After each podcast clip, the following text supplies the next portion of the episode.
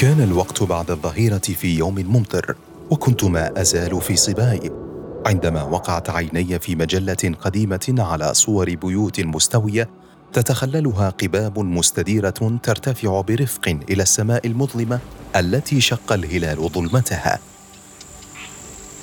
ملكت الصورة خيالي وأحسست بشوق غلاب لا يقاوم إلى معرفة ذلك النور الذي كان يغالب الظلام في اللوحة.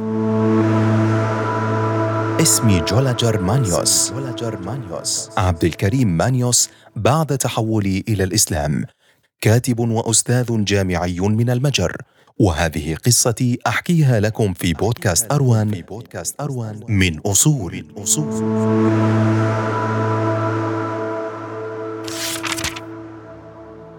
بدأت أدرس اللغة التركية ثم الفارسية فالعربية لأتمكن من خوض هذا العالم الروحي الذي نشر هذا الضوء الباهر على أرجاء البشرية.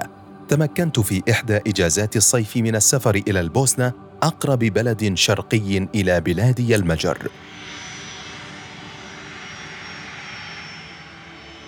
وما كدت أنزل أحد فنادقها حتى سارعت إلى الخروج لمشاهدة المسلمين في واقع حياتهم. وكان هذا أول لقاء لي مع المسلمين. ثم مرت سنوات وسنوات في حياة حافلة بالأسفار والدراسات فتحت عيني على آفاق عجيبة وجديدة وعلى الرغم من كل ذلك فقد ظلت روحي تعاني الظمأ. إلى أن كنت يوما في الهند وذات ليلة رأيت ما يرى النائم كأن محمد رسول الله صلى الله عليه وسلم يخاطبني بصوت عطوف. لماذا الحيرة؟ إن الطريق المستقيم أمامك مأمون ممهد مثل سطح الأرض. سر بخطى ثابتة وبقوة الإيمان. وفي يوم الجمعة التالية وقع الحدث العظيم في مسجد الجمعة في دلهي حينما أشهرت إسلامي على رؤوس الأشهاد. كان التأثر والحماس يعمان المكان. ولا أستطيع أن أتذكر ما كان في ذلك الحين. وقف الناس أمامي يتلقفونني بالأحضان. كم من مسكين مجهد نظر إلي في ضراع ويسألني الدعوات ويريد تقبيل رأسي.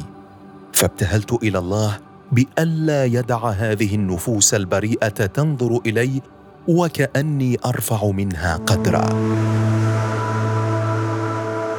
فما أنا إلا تائه جاد في البحث عن النور. لا حول لي ولا قوة مثل غيري من المخلوقات التعيسة. لقد خجلت أمام انات هؤلاء الناس الطيبين وآمالهم.